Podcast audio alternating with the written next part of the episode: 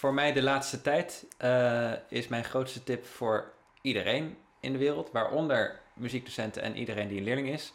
Um, durf, durf je kwetsbare kanten in de etalage te zetten. Dag allemaal en welkom bij deze allereerste aflevering van Meester Pot, Casper. Ik ben nu al heel wat jaartjes muziekdocent en heb lesgegeven op heel veel verschillende basisscholen, wat middelbare scholen en tegenwoordig aan de PABO. Maar eigenlijk ben ik zelf nog lang niet uitgeleerd. Daarom wil ik in deze podcast in gesprek gaan met oud-docenten, collega's, vrienden, oud-medestudenten. Eigenlijk iedereen die iets met muziekonderwijs te maken heeft. En ik hoor graag van hun hoe zij hun muziekonderwijs vormgeven. In deze eerste aflevering heb ik twee gasten, Casper Draak en Emiel Hal. Casper geeft les op het Lentes College en het Kraaiennest, school voor speciaal basis- en voortgezet onderwijs. Emiel is docent op het Haags Montessori Lyceum en is naast muziekdocent ook wiskundedocent. Ik ben erg benieuwd wat zij op hun scholen allemaal doen, waar ze tegenaan lopen, maar vooral ook wat allemaal goed gaat en werkt voor hun.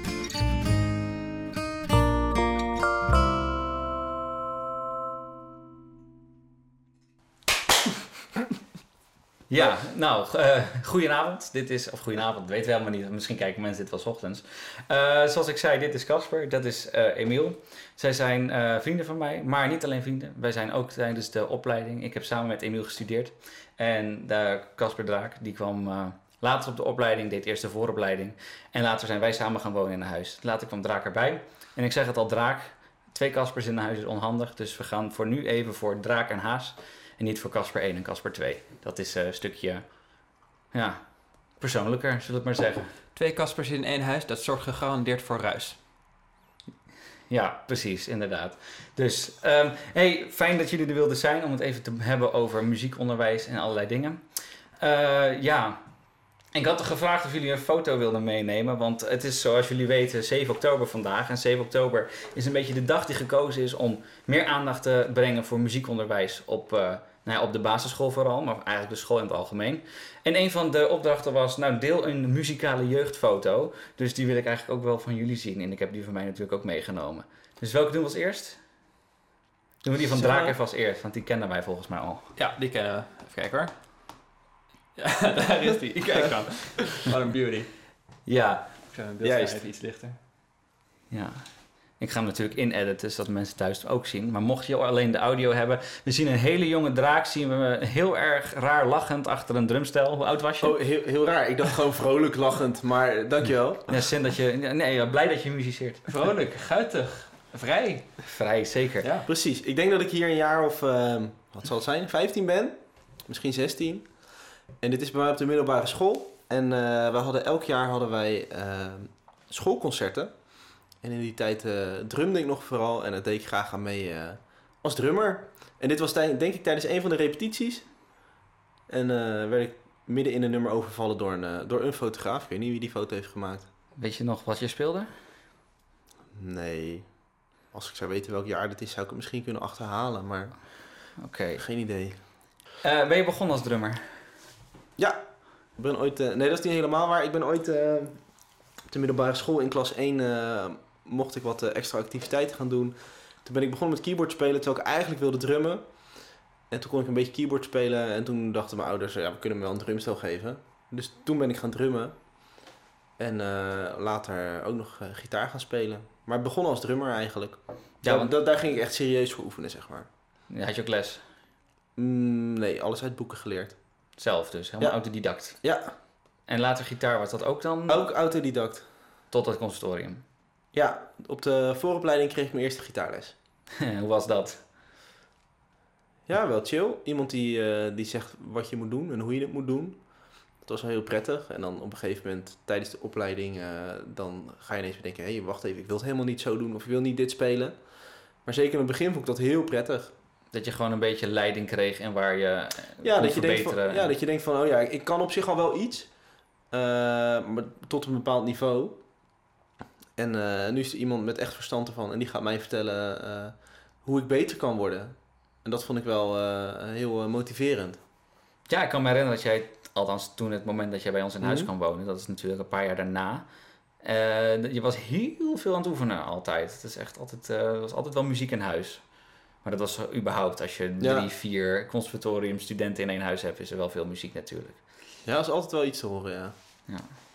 Was je daar... eh is wel een heel erg interviewstijl dit. Emiel, vraag ook eens wat.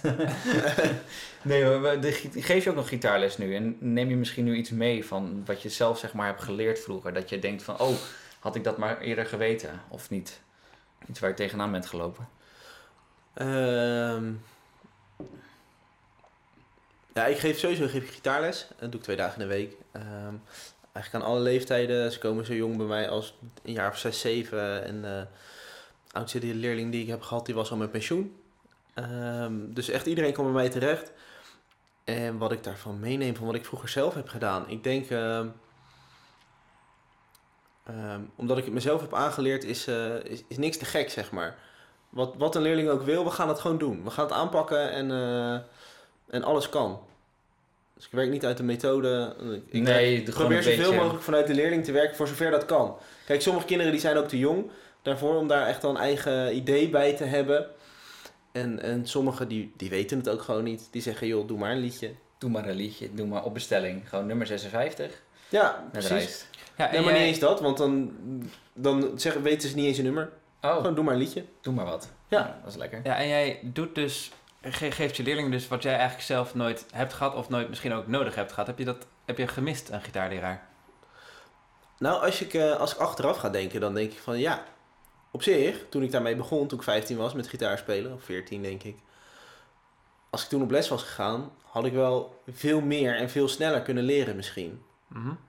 Ehm, maar wat ik nu wel heb ervaren, het was, mijn motivatie was ge- geheel intrinsiek. Het was omdat ik het wilde en ik ging spelen wat ik wilde spelen. Eh, en dus ik weet niet hoe ik daarop had gereageerd als ik op mijn 14 of mijn 15e bij een gitaarleraar was gekomen en die mij op dat moment ging vertellen wat ik dan wel niet zou moeten gaan doen. Ja, tenzij je een gitaarleraar tegen zou komen die zou zijn, zijn geweest zoals jij. Want Ja. dan had hij gezegd, wat wil je doen? Precies, maar Dat, is anders dat, dat, weet je op dat moment ook niet, waar Ja. je die vindt en... eh, Nee, want anders die autoriteit had je zeg maar niet getrokken. Als iemand gewoon had gezegd, nou je gaat nu dit doen, want ik wil dat je... Nou ja, ik weet niet of ik dat, of ik dat dan leuk had gevonden. Als iemand tegen mij had gezegd, eh, we gaan dit liedje spelen, ja, weet ik veel. Dat is toch wel een beetje wat we wel doen als in het regulier onderwijs. Hè? Als je echt muziek geeft en zo, dan... eh, ik weet niet, jij geeft natuurlijk muziek op de middelbare, Ja. het VMBO, toch? Ja. En eh, ben je daar dan wel een stuk directiever of ga je daar ook, eh, doe maar een liedje? Nee, nee, daar ben eh, ik wel heel, di- heel directief. Dat is gewoon, eh, maar dat hebben de kinderen ook wel nodig, denk ik. Eh, jij bepaalt wat ze gaan doen. En dan probeer ik wel altijd iets uit te zoeken waarvan ik denk, eh, dit ligt deze, deze groepen wel. Dus ik probeer eh, elk jaar mijn repertoire te vernieuwen. Eh, en sommige dingen lukt dat wel, sommige dingen die komen dan na twee jaar, worden ze vernieuwd. Maar ik, ik blijf nooit in, in oude meuk hangen, zeg maar. Maar als nou iets echt heel goed werkt, Dan probeer ik dat te vertalen naar, naar iets recents. heb je een voorbeeld? Heb ik een voorbeeld? Ik hou van praktische voorbeelden natuurlijk. Ik kan me voorstellen, kijk, nou, ik heb één liedje verschil- wat ik gerecycled heb, is, eh, is het liedje Old Town Road. Oh ja. Omdat die gewoon heel, heel simpel was. En eh daar kan je heel makkelijk een melodietje bij doen en eh, een akkoordje erbij. Ja, precies. Want ik zit natuurlijk heel erg in met mijn basisschool eh, pet op. En dan denk ik van ja, in, in, wat een kind nu in groep 1, wat ik die dit jaar leer, dat kan ik een kind over twee jaar in groep 1 ook wel weer leren. Want het zijn weer nieuwe kinderen Ja. en die zitten dan weer op dat niveau qua ontwikkeling. Terwijl op de middelbare school ben je toch, en zeg maar als het fout is, hè, dat is wat ik nu eh, denk, is natuurlijk ook, wat populair is, is nu in en dat moet gedaan worden of zo. Want in, of zie ik dat Ja, verkeerd? ik weet niet of wat populair is altijd gedaan moet worden. Want sommige populaire nummers worden ook een soort van stuk gedraaid, zeg maar, op dit moment. En ik, heel veel van mijn leerlingen die zijn best wel, eh, die kennen wel echt oudere muziek. Die lopen allemaal met, eh, met Led Zeppelin rond en eh, weet je. Ja, omdat- ook bij de H&M dat nu tegenwoordig in de schappen ligt. Hè? Mensen lopen tegenwoordig met Nirvana, met Ja. Metallica shirts. Alleen die hebben er nooit van die band gehoord. Ja, dat heb je ook, ja. ACDC doet het Doet goed het in de t-shirts, ja. ja. Nee, maar er zijn wel echt, echt veel die ook gewoon wel wat oudere muziek luisteren. En daarnaast zijn er ook nog wel klassiekers die mensen wel ergens kennen, Ja. maar en die ook nog wel aansluiten, denk ik. Ja, maar ik denk dat het bij jou toch al wel anders is dan bij mij. Op, Ja. Ik denk op het HML, op het eh, Montessori Lyceum, dat het toch al echt wel anders is dan bij mij eh, op het VMBO. Ja, dat waar er heel kunnen. veel, eh, ehm, ja, die luisteren rapmuziek. En dat is het zo'n beetje. En die krijgen niet per se ook iets mee van thuis. Er zijn er wel hoor, met ouders die dan... eh, ehm, eentje die ik dan regelmatig hoor. Als er dan ouders zijn die heel erg muziek draaien, dat dan is dan Elvis of zo. Dat is dan bij, eh, bij die doelgroep, vind, dat heel, vinden ze heel leuk. Maar, ehm, maar niet Led Zeppelin of zo. Ja, en We Will Rock You, Queen. Ja, die herkennen ze altijd. Die wordt op de sportvelden gedraaid. Dat is, Ja. toch, gewoon, dat is toch de klassieker? Ja, We are the champions. Ja. Ik, ik heb hem nog nooit gebruikt. Ik, nu we het erover hebben, zit ik te denken, die wil ik gebruiken. Een keer, ergens, ik weet niet hoe, maar het, moet het moet kunnen. Emiel, eh, jouw foto. Mijn foto, ja, ik ehm, heb er twee. Er En twee. ik was, ik was zelf verrast, want ehm, ik was het eigenlijk stiekem een beetje vergeten. En eh, dus mijn vrouw heeft net in de fotoboek gekeken en die heeft er heeft opges... Ik heb gezegd tussen 1997 en 2000 moet je vast een muzikale foto vinden. Ze heeft er twee gevonden. Ehm, ik ga ze ook allebei met jullie delen. Ik wil wel waarschuwen, het kan... De, met name de tweede kan licht sensueel geïnterpreteerd worden. Dus Oh probeer je in te houden. Dit is de eerste. Met blokfluit? Blokfluit, ja, dat, dat hadden jullie niet verwacht, hè? Nee, zeker niet. Nee, dat, dat wisten jullie niet. Nee. Maar dat moest van de AMV of dat ben je gewoon echt De bij begonnen? AMV, inderdaad. Ja, toch wel. Dat, dat is hoe ik ben begonnen, inderdaad. Ehm, op het Korenhuis in Den Haag met de algemene muzikale vorming. Ehm, en ik, ik kan me daar heel weinig van herinneren. Het heeft sowieso weinig indruk gemaakt. Ehm, maar kennelijk vond ik het leuk, want ik ging erheen. Dus ik moet het leuk gevonden hebben. En later eh, gaat dat, zoals dat vaker gebeurt, standaard over in blokfluitles. Hm. En dat was denk ik het tegenovergestelde van wat eh Draak heeft meegemaakt. Namelijk waar hij de totale vrijheid kreeg, zat ik in een klasje met, ik denk, zo'n twintig eh, lotgenoten. eh, die klassikaal allemaal keihard hetzelfde moesten spelen. En ik was daar een, een extreem slecht presterende leerling, kan ik er ook aan toevoegen. En ik had het daar eigenlijk, eigenlijk niet zo super naar mijn zin. Maar ik, ik vond blokfluit vond ik eigenlijk best wel leuk. Ehm, terwijl, ja, dit is, voor heel veel mensen is de eerste ervaring de blokfluit. En dan later gaan ze een instrument spe- spelen dat ze echt tof vinden. Hoeveel juffen en meesters ik niet ben tegengekomen ondertussen in al die Ja. jaren. Die zeggen, ja, ik moest vroeger... Ik moest blokfluit Ik spelen. moest, Ja, ik heb- Of treffen met ta- trapsgewijs toon huppelde zo'n boekje. En echt, als je Ja. daarover begon, dan Ja. zie je echt de paniek en de angst in die ogen. Dat is echt... Ja, Nou, ik heb het eh, vrij recent ook nog gehad met een gitaarleerling. Die, eh, die moest van de moeder eerst eh, blokfluitles en daarna kwam ze bij mij op gitaarles. ja. Oh, en, eh, Eerst je groente op en daarna mag je misschien een toetje. Ja, ja. precies. Ja. Maar hoe kwam zij dan binnen? Van, van, van, als een verademing? Van, nu mag ik dit eindelijk? Of was Nou, ze ja, eigenlijk... volgens mij vond ze het eigenlijk toch sowieso ook niet zo heel erg leuk, want ze was vrij snel ook weer gestopt. Maar Ja, ik vond het wel bijzonder dat dat eigenlijk in deze tijd nog bestaat. Ouders Ja. die hun kinderen eerst op blokfluitles doen en daarna... Ik ben, Dus ik ben dus zo benieuwd of, of, dan, dan dat moeten van die blokfluitles misschien wel dan de basis is geweest om überhaupt helemaal niks meer met muziek te willen. Misschien was als ze bij jou was begonnen met gitaarles, in plaats van eerst blokfluit te mo- moeten spelen, dan vervolgens, misschien Ja. was het dan wel langer doorgegaan. Ik weet het niet.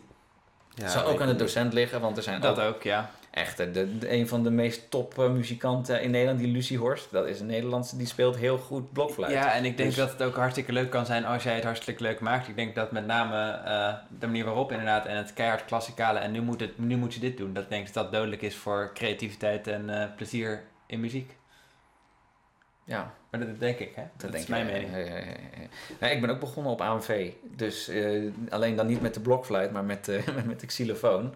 En er was laatst bij oma thuis eh, alle, alle papieren aan het eh, opruimen die daar nog lagen. En er lag echt heel veel echt muziek en eh, lag daar. En heel veel bladmuziek. Wil je een foto al? Ja, zometeen. Oké. Eh, Een cliffhanger. Want eh, ik, ik heb nog steeds dat, dat sensuele beeld in mijn hoofd. Dus ik Oh, moet ja. even om echt goed eh, mentally prepared zijn.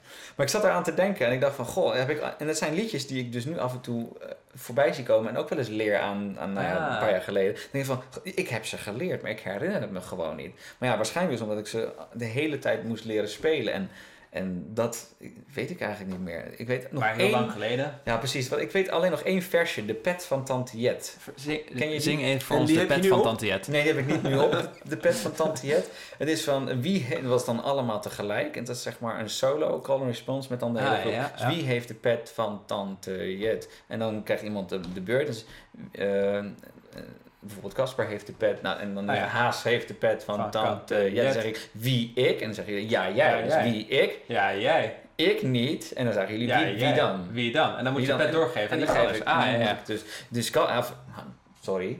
Haas heeft de pet van tante Jet, wie ik. Ja, jij. Ik niet. Wie dan? Draak heeft de pet van tante Jet. En dan moet je pet hebben. Ja, jij niet. Wie? Dat is het enige wat ik me nog kan herinneren van mijn Maar AMV-periode. dat was wel een hit dus bij jou. Ja, niet? het- het- er moet, is vast een reden dat ik het nog weet.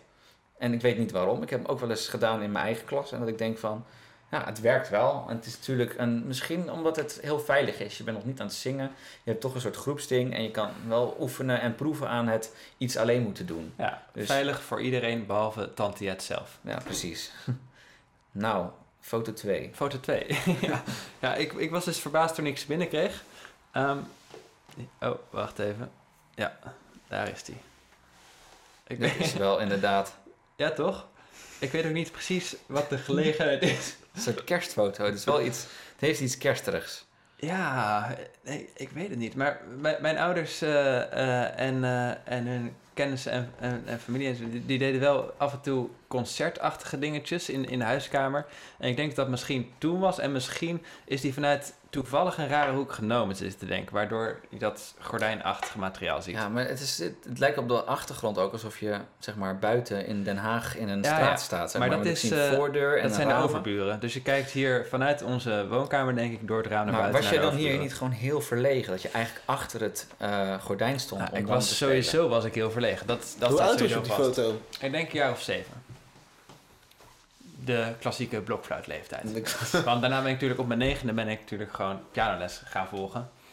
Eh, wat ik eigenlijk... eh, Wilde. Of, eh, nou, wat ik wilde, ik weet niet. Maar dat is wel echt, natuurlijk, jullie weten, dat, dat is echt mijn instrument. ja, dat weten Ja. wij. Dat weten ze thuis niet, maar nu wel. Nu wel, ja. Want jij bent pianist, eh, voornamelijk. Ik heb ook harpen, ukuleles, gitaar, accordeons bij je thuis zien staan. Viool? Viool, oh ja, van Mm. opa, de viool. Ik weet nog een heel mooi keer eh Canon in D. Daar, hebben we het niet over, daar hebben we het niet meer over. Emiel dacht, ik ga een keer eh vioolles nemen bij een medestudent. Dat Bij- was leuk. Dat, tot zover ging het goed. Tot zo. Toen dacht, hadden we een open podium. Wilden ze een open podium doen. En dan niet de comboavond zoals je dat bij Codarts hebt. Maar er was een keer een klassieke eh, open avond. En die was ook niet voor iedereen de bedoeld, geloof ik. En eh, daar werd een hele mooie laatste... Dat was ook het laatste volgens mij van de hele avond, toch? Die, Ja, dat maar die normale dijde Canon in D van Pachelbel, daar moeten we het heel even kort over hebben. Hij begint super traag. Dat is die van... Ta, ta. En uiteindelijk wordt hij veel sneller. Dus die wordt, ik denk dat hij vaak te snel wordt ingezet. Maar dat was op dat moment ook. We hadden, één keer echt goed kunnen oefenen. En ik was beginnend violist, zweet op, me, op mijn vingers natuurlijk. En het, begon, het begon snel. Op een gegeven moment raakte ik de weg kwijt. En, maar ik denk achteraf denk ik dat het goed is om dat ook mee te maken, ook als muziekdocent, dat je weet hoe het is om als leerling op een podium te staan. Of voor een klas of zijn. Om, om je incompetent te voelen. En met, met zweet. En dat, dat mensen je zien. En dat je zo, zo bladmuziek hebt die een beetje blurry wordt. En waar je gewoon totaal de weg in kwijt. Ik denk dat het ook goed is om dat mee te maken. Hij Op viel dat nog moment net was van- pittig. Ik viel nog net niet van de standaard af. En er kwam één moment waarop ik hem miraculeus terug had. Voor, voor 20 prachtige seconden was hij ineens terug, maar toen was hij weer weg. Wanneer was dit? Het was Wat? in 2012, 13, Zoiets, 14? ja? Ja. 12 of 13, ja, acht jaar geleden, zoiets, Oké. 7, 8 jaar geleden.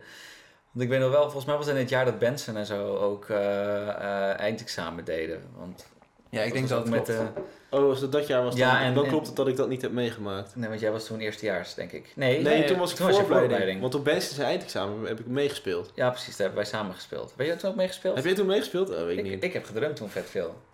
We, moesten toen helemaal tijd binnenlopen en het was sushi, sushi, sushi, sushi. Dan was het, zeg maar die, die, die geographical view, Tibet. Oh ja. Tibet. Ja, ja, ja. Alleen hij had hem helemaal omgemaakt. Yokohama, Ja. Canada, Malaga, Rimini, Brindisi. Riemen, die Brindisi, Brindisi. De, de poppenkapitel is dan een de Right, right, poppenkapitel- Mexico, Mexico, Mexico, ja. Malaga, Rimini, Brindisi. Oh ja, maar daar had hij dan een hele eigen versie van gemaakt. En dat was eh, eh, toen alle landen waar die stukken vandaan kwamen, daar had hij dat dan eh, over gemaakt. Dus die Tibet werd sushi en dan moest dat dan in kanon met elkaar. Dat was echt cool. We moesten ook binnen, weet ik nog heel goed, want we moesten ook opkomen. Dus iedereen staat al klaar en dan moest je, ik was dan de derde geloof ik. En dan was eerst Benson, toen Henk, toen ik en volgens mij Dennis. Weet je, die saxofoon Dennis, die toen ook weer in de klas zat. En die, daarom met z'n vieren, dan moest je opeens die deur binnenlopen. Je wist niet waar iedereen zat. En dan, eh, Dat is ook spannend. dat was best spannend, ja. Want je weet dan niet hoe de zaal eruit ziet. Je weet waar je heen moet, omdat daar dan een drumstel stond. Maar het was echt van, oké, hoe gaat dit? Je komt eigenlijk eigenlijk ging als gedesoriënteerd kom je eigenlijk al binnen. Ja, het ging best goed hoor, achteraf. Alleen er was één moment in het derde nummer dat er even echt iets helemaal misliep. Ja, maar vinden jullie het nou jammer of vinden jullie het nou een toevoeging dat je bij eh, muziek en dat delen met mensen, dat er vaak een component bij is van mogelijkheid op falen en spanning en onzekerheid? Ja, dat Want is denk ik ook die hele, dat hele vraagstuk van het, van, het, van het toetsen op het middelbaar onderwijs. Kijk, ik zit daar nu natuurlijk niet zo mee. Maar ja, eh, heel vaak op die Facebookpagina's zie je voorbij komen. Hoe toetsen jullie? Moet je toetsen? De ene zegt wel toetsen, de ander zegt niet toetsen. Is het dan met uh, G'tje onvoldoende, voldoende? Of is het juist met cijfers? En waar en hoe gradeer je dat dan in? En, en op het moment dat iemand dan zo moet voorspelen, ja, dan is inderdaad die angst daar. Maar ja, dat op het moment dat jij professioneel muzikant wil worden en jij wil echt optreden, dan moet je daar doorheen. Dan moet je die audities doen en je moet uh, al die dingen hebben meegemaakt. Maar ja, voor de voor ja, Jan met de korte achternaam, zeg maar. Voor degene die, voor degene die uh, later niet verder gaan in muziek, maar stratenmaker worden of manager van een wat dan ook gebouw. Ja, die, ja. Maar dat zijn onze leerlingen, hè? Dat zijn, ja, dat bedoel ik. Ja. Daarom gewoon de gemiddelde leerling. Ja, weet je, ik vind van wel. Ik vind dat je daar een keer mee moet hebben leren dealen. Gewoon dat je dan...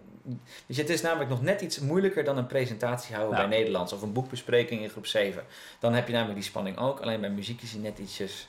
Ja, Misschien hij, hij kan ook anders zijn. Ja, voor denk sommige... anders. Ik denk dat hij niet per se heftiger Ja. is, maar anders. Ja, anders als in... Ja, Nou ja, ik weet, ik minder- weet, ik weet je van geeft mezelf. meer van jezelf natuurlijk. Hè? Als jij moet zingen, dan is het echt dat je het met jouw stem doet. Ik vind het minder eng om iets voor te moeten spelen dan dat ik het zou voor moeten zingen. Omdat dat natuurlijk dan weer dichter bij jezelf ligt. Ja, maar als ik terugga naar mezelf op de middelbare school, als ik... Kijk, wij moesten dan in de... Ik klas 1 en 2 moesten dan ook solo zingen. En natuurlijk vond ik dat wel heel spannend. Maar ik moest ook op een gegeven moment, dat was volgens mij in klas 4 of zo, moest ik een... eh, hoe heet dat nou? Een, eh, een betoog houden of zo, of een debat, ik weet niet meer.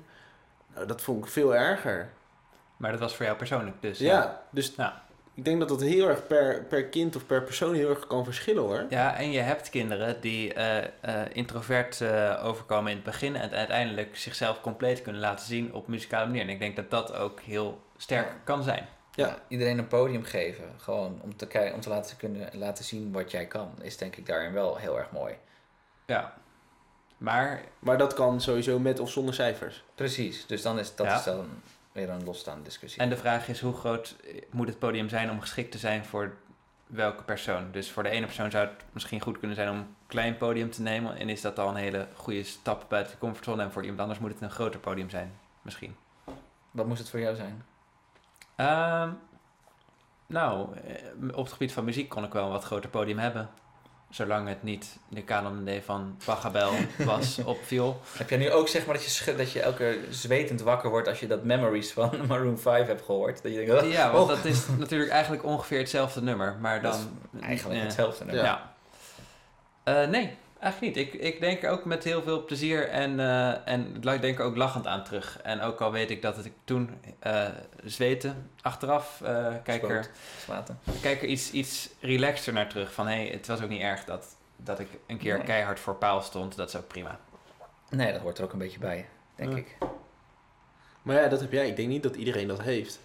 Dat je daar, ook al is het zoveel jaar geleden, denk ik dat sommige mensen die houden daar wel, eh Ja, ik wil geen, niet zeggen een trauma aan over, maar die, die hebben daar wel een soort nare, nare bijsmaak van. Ik Ja. weet, mijn, mijn schoonvader, die heeft het er altijd over eh, dat hij niet mocht zingen en dat hij, dat hij maar in de hoek werd gezet. Of dat hij maar een boek moest gaan lezen of zo. ja. En eh, tot op de dag van vandaag, eh, ik heb hem niet vaak horen zingen. En zo ken ik het verhaal van iemand die, ja, iets anders, maar die, die hield ontzettend van goochelen. En hij, hij vond het gewoon echt leuk. Dus toen had hij één optreden en dat ging niet goed. En toen heeft hij het daarna gewoon nooit meer gedaan.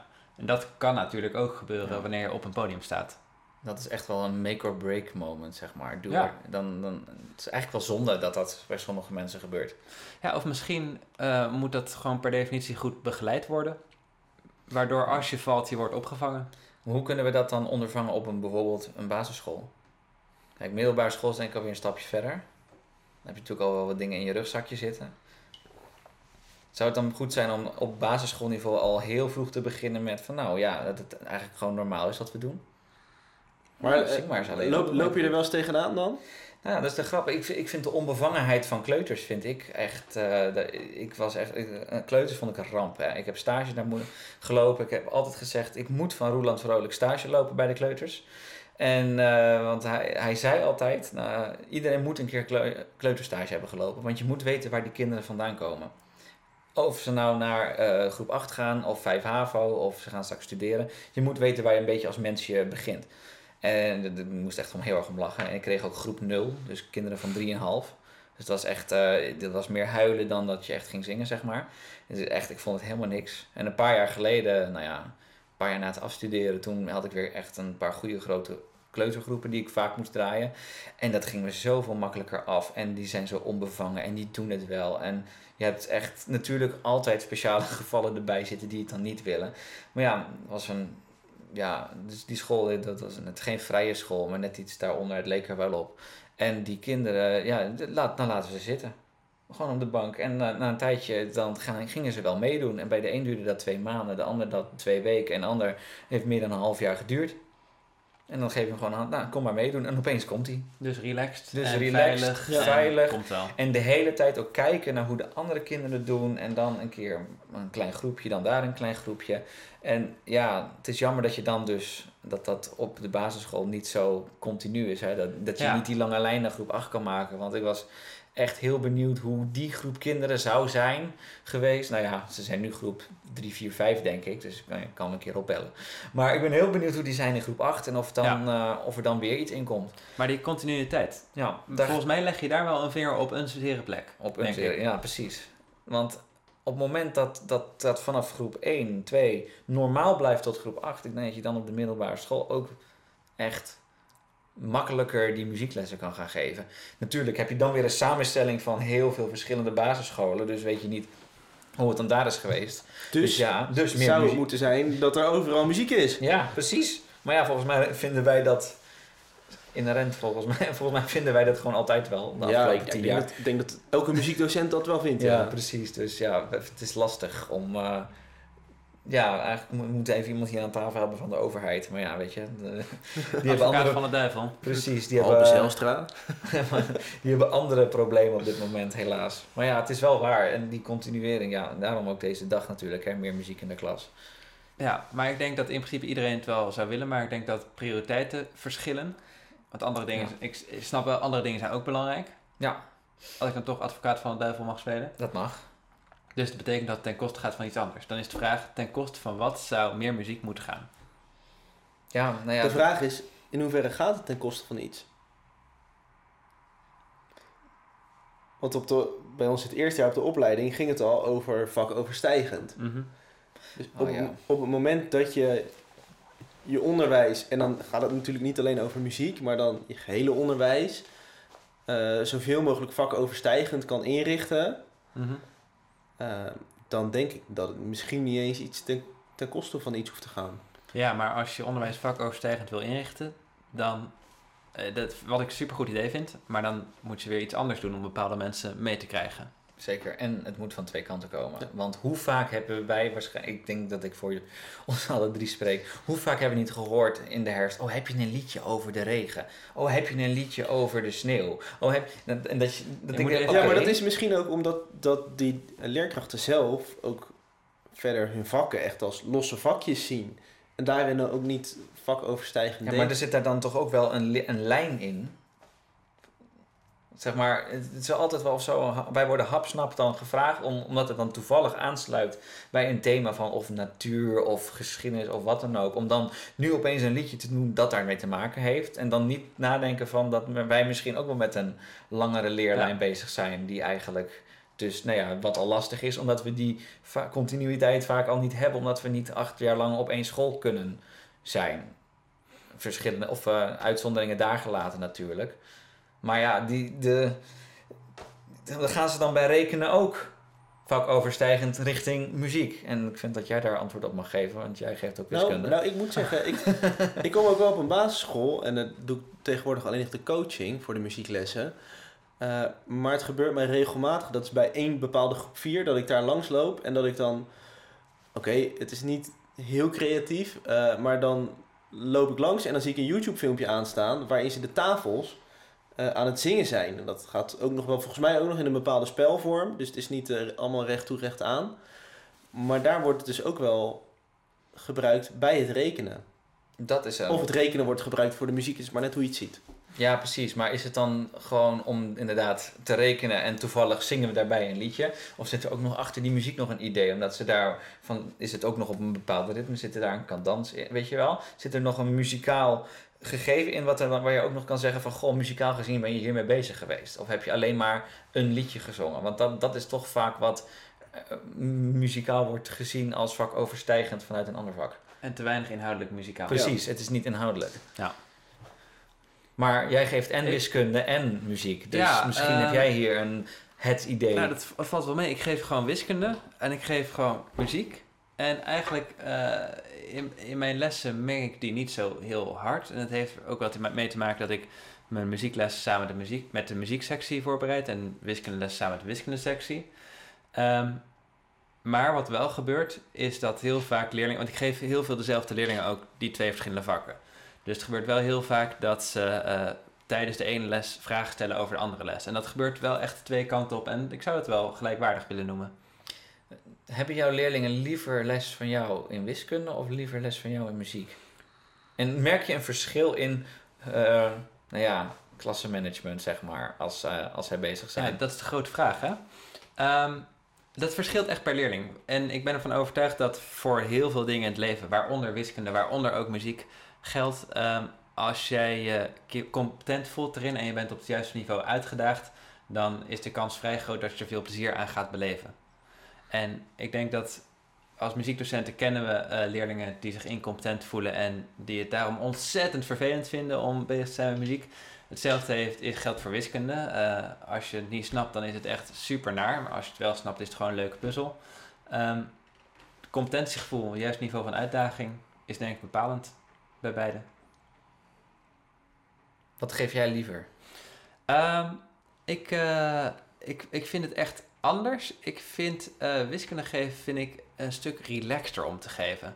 Eh, de, de structuur is veel duidelijker. En eh, als je een muziekdocent bezig ziet of een LO-docent, het, vraagt altijd om super strakke, duidelijke organisatie. De, de, ik vind een, goede muziekles zit echt heel goed in elkaar. En dat is, dat is moeilijk. Maar tegelijkertijd vind ik dat het vraagt heel veel enthousiasme en energie. En dat vraagt het denk ik bij elk vak dat je geeft. Ehm, maar bij muziek voelt dat net iets kwetsbaarder of, of gevoeliger. Daar heb je ook meer voorbereiding aan, zeg maar. Ehm, ja, voor, voor mij kost muziek kost op dit moment meer voorbereiding. Het is niet zo dat je gewoon een som op het bord zet, koffie gaat drinken en de klas is stil en ze werken, toch? Nee, sowieso niet. Ehm, maar eh, er er is nog wel één klein ander verschil. Namelijk, ik heb wel het gevoel dat wiskunde voor leerlingen en voor ouders en misschien maatschappelijk gezien een andere status heeft. Nou, waar, waar het gevoel dat jij ook hebt. Ehm, en dat maakt het, daardoor is het wel, voor mijn gevoel in ieder geval, makkelijker om te geven. Het zijn toch wel twee van die vakken, muziek en wiskunde, waar je echt gigantisch inderdaad op nat kunt gaan. Het is altijd, men, we hebben het altijd over, oh wiskunde, oh wiskunde, oh ik ben gezakt op wiskunde. En je vraagt aan een klas, eh, dan is het altijd wiskunde is zo'n vak dat mensen heel erg... eh, zo, dat was een glas tegen de microfoon aan. Nou, hij doet het nog.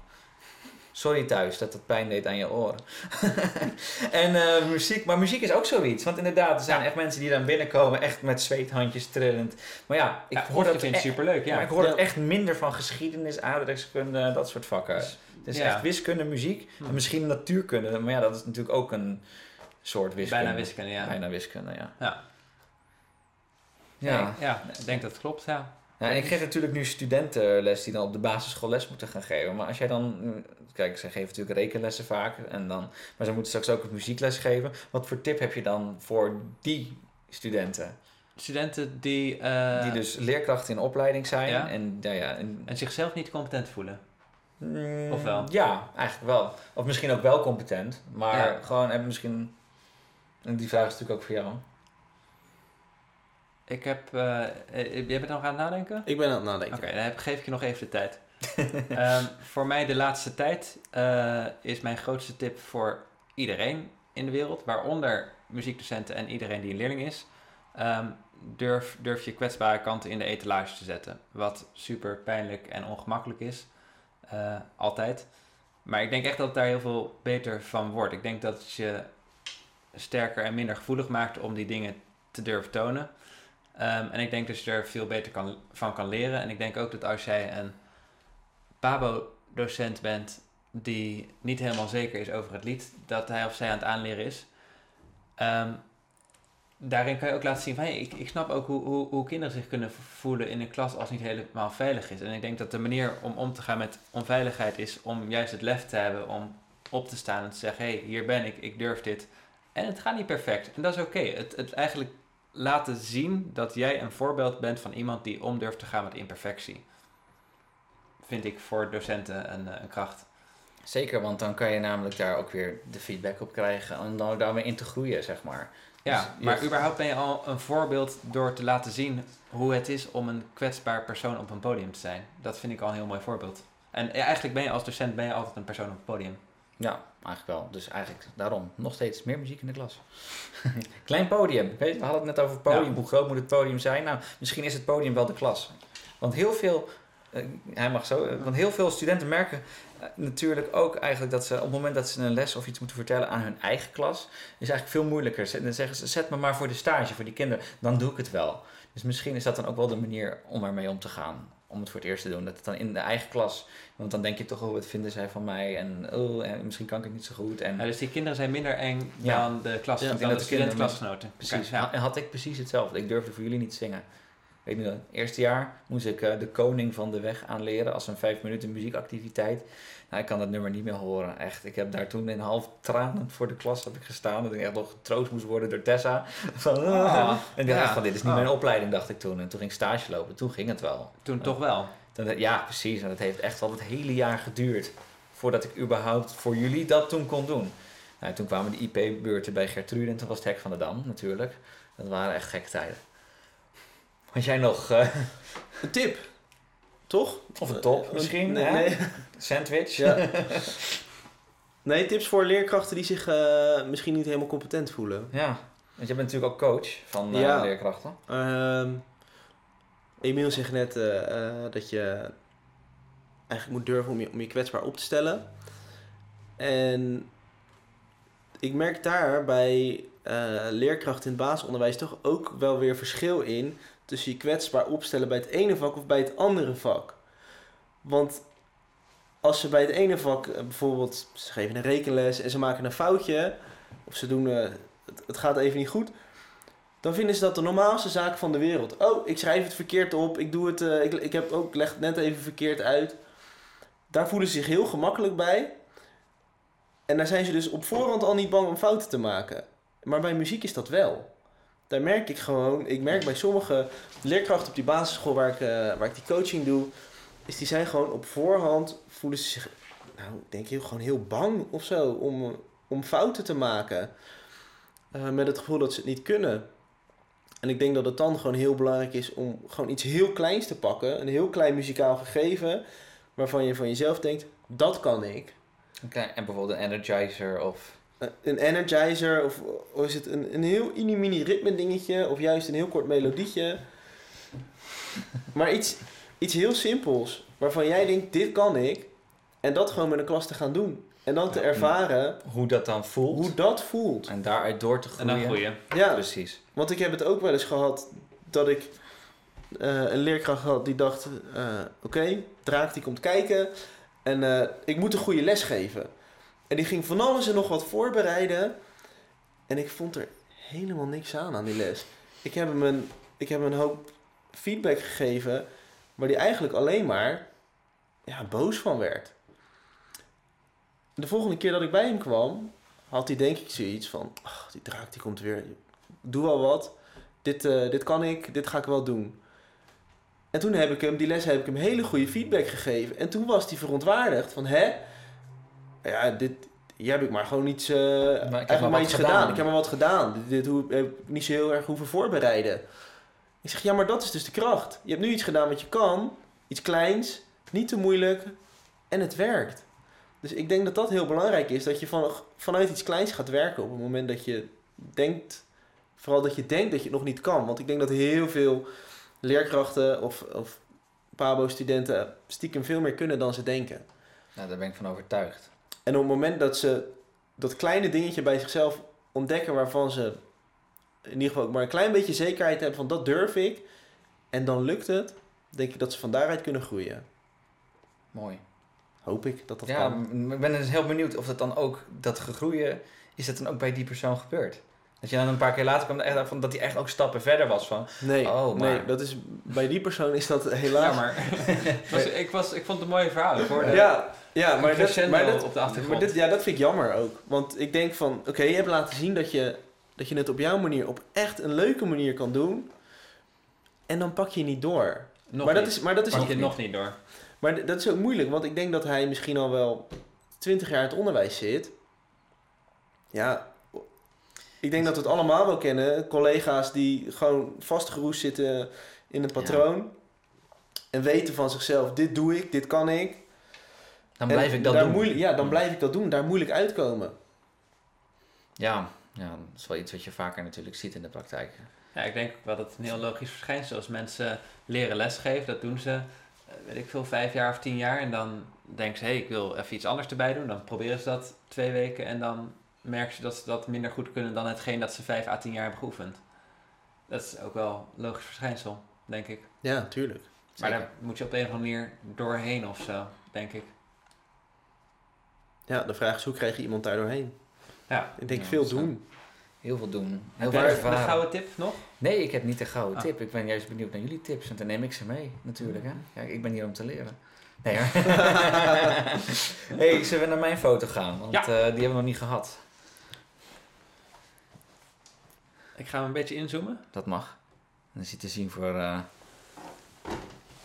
voor, eh, voor draken. Wel al herkenbaar ook. Wel, ben, als ja, lijk ik er echt op, ja? Je lijkt erop. Ja, ze zeggen dus altijd dat ik heel erg op mijn moeder leek. Eh, zeker toen ik wat jonger was. Dat dat later steeds minder werd. Ja, Nou ja, ik zie het draak kijken naar, Ja, naar een ja, foto van mijn ja. moeder, inderdaad. Ja, zie- ja ik zit zie hier achter wel, een, eh, een drumstel van mijn oom. Ja. Bij ons op zolder, en bij mijn ouderlijk, hu- in mijn ouderlijk huis toen nog. En eh, je ziet er is één echte tom. En de tweede tom, die is, eh, dat is een, een, een oefenpet. die ik er neergezet, zodat ik wel vier De toms pet had. van Tante Jet. De, de pet van hij komt hier weer terug, ja. Nee, eh, de- eh, ik wilde namelijk per se drie toms. Want een echt drumstel heeft drie toms, vond ik altijd. Ja. Later bij jazz en zo zie je er eigenlijk altijd maar die twee. Maar ja, de- daar heb ik op eh, leren drummen. Want ik, ook, ik ben na dan AMV-les, had ik eerst. Toen mocht je vier instrumenten mocht je kiezen. Nou, ik wilde per se drummen, want dat was het eigenlijk. En trompet, dat waren de twee die ik had gekozen. En je werd er bij twee ingedeeld. Nou, eerst dus drumles, toen ben ik trompet gaan spelen. Toen eh, accordeon. En daarna een eh, contrabas. Dat is wel heel grappig dat, dan, dat dat toen al er En was. Maar dat is toen... Daarna, En, en daarna dan kreeg je thuis een briefje hoe geschikt je was voor een instrument. Oh, dat is echt naar. Ja, en drum stond op één. Daar was ik het meest geschikt voor. Twee contrabas. Op drie trompet en vier accordeon. Er stond bij, doe maar niet. zeg maar niet in die bevordering maar de conclusie was... over. Ja, en ik weet nog, die, ik weet nog die, dat lokaal heel goed voor me te zien. En dat die mevrouw ervoor zat en dan echt zo'n heel... Tu, tu, tu, weet je, ik heb nu Peter en de Wolf in mijn hoofd. En dat echt ook op die manier. En dat ik dacht van, ja, dat gaat echt... Hoe, ik weet niet hoe je dat daaruit krijgt. Want je moet dit doen, dit en dit. En ik dacht, ja, ik zat daar niet met plezier, zeg maar. in Die, eh, die vier lessen toen. Dat weet ik nog wel heel, heel erg goed. Maar ik vind het heel grappig dat er toen ook contrabas uitkwam. Omdat ik dat natuurlijk dat later op het consortium erbij ben gaan pakken. ja, want er zit nog wel heel wat tussen Er zit daar heel en wat de tussen, uiteindelijke contrabas. Precies, dus dat was dan eerst dan die drumles. Maar we hadden we met z'n vieren les een uur lang. Dus je zat daar een uur, maar je mocht maar een kwartier spelen. Nou, dat vond ik niet leuk. Toen ging ik in een marchingband spelen. Eerst snare drum, toen vijf trommels. Toen een jaar dus ertussenuit geweest. eh, en ehm, daarna eh, muziekwetenschap gaan doen. Op, eh, in Utrecht. En daarna naar het Codarts, naar het Wanneer conservatorium. is die basgitaar dan tevoorschijn gekomen? Ja, ik kon ook wel een hele tijd 13, gitaar spelen. 14, 15 denk ik dat ik toen Oh ja. was. Toen, oh ja, een vriend van mij die ging gitaar spelen. En ja, dan moest ik natuurlijk in een band. Maar ja, een gitaar hadden we dan al. Dus ging ik maar bas spelen. Classic. Ja, classic, ja. Precies. Classic zeg maar, bassistenverhaal dit. Classic bassistenverhaal. Want een andere vriend van ons Erik, van wie de risotto was trouwens. Goeie risotto. Dat is de- die, die was dan drummer. En met z'n drieën hadden dan een bandje en zo. En eh, heel veel nummers geschreven toen. En nou ja, thuis elke, elke dag alles van Metallica spelen. En te weinig huiswerk maken. En eh, dat is een beetje, ja, ook autodidact eigenlijk. En ik heb wel les gehad in basgitaar. De eerste docent wilde heel erg de blueskant op hebben. Ja, en we hadden niet zo'n match. En de tweede docent, dat was een beetje een beetje toffe dude. Die dan eh, met eh, chili peppers aankwam en dat soort dingen. Dus dat wilde je wel echt leren. Maar hij zei, dan moet je wel van noot aflezen. En was, zo. was jouw muziekervaring met, met de, je docenten nou een positieve of niet? Eh, ze waren eigenlijk allemaal positief. Want ik had niet het idee dat ik geen match had met die eerste eh, docent. Maar die zei eigenlijk van, ja, misschien is het beter voor hem dat hij daarin gaat. Vond ik eigenlijk heel mooi achteraf, dat, als ik er nu op Ja. terugkijk, dat een docent dat durft te zeggen. Van, ja, hij past eigenlijk niet bij mij, hij past beter bij die. Want van hem kan je meer leren. Ja, wat een baas. Ja, Ja. hij Ik heb ook een collega, die doet het heel veel. Die is eh, ook is gitaardocent. gewoon lui. Nee, nee maar die is wel... ehm, die, die, eh, nou, ik wil niet zeggen dat hij leerlingen aanneemt, zeg maar. Eh, maar hij, hij doet wel echt... eh, in een proefles gaat hij wel eventjes goed kijken van... Hé, wacht even, wie ben jij en hoe sta je daarin? Is het wel echt een match? Ja, maar is dit, is dit... Ga jij bij mij dingen willen leren? Of kan je net zo goed ook bij iemand anders les hebben? Ja, die, precies. die er iets, misschien iets minder serieus in staat. Ja. Ik denk dat het bij ons, bij mij, vooral was vanwege dat stukje blues. Dat ik Ja. zelf natuurlijk, zeker op mijn 14, 15, echt een metalhead was. En meer dat soort dingen wilde doen. En dan ook wat chili peppers en zo. En nou, dat is ook zoiets wat elke bassist ondertussen wel volgens mij het hele repertoire van kan spelen.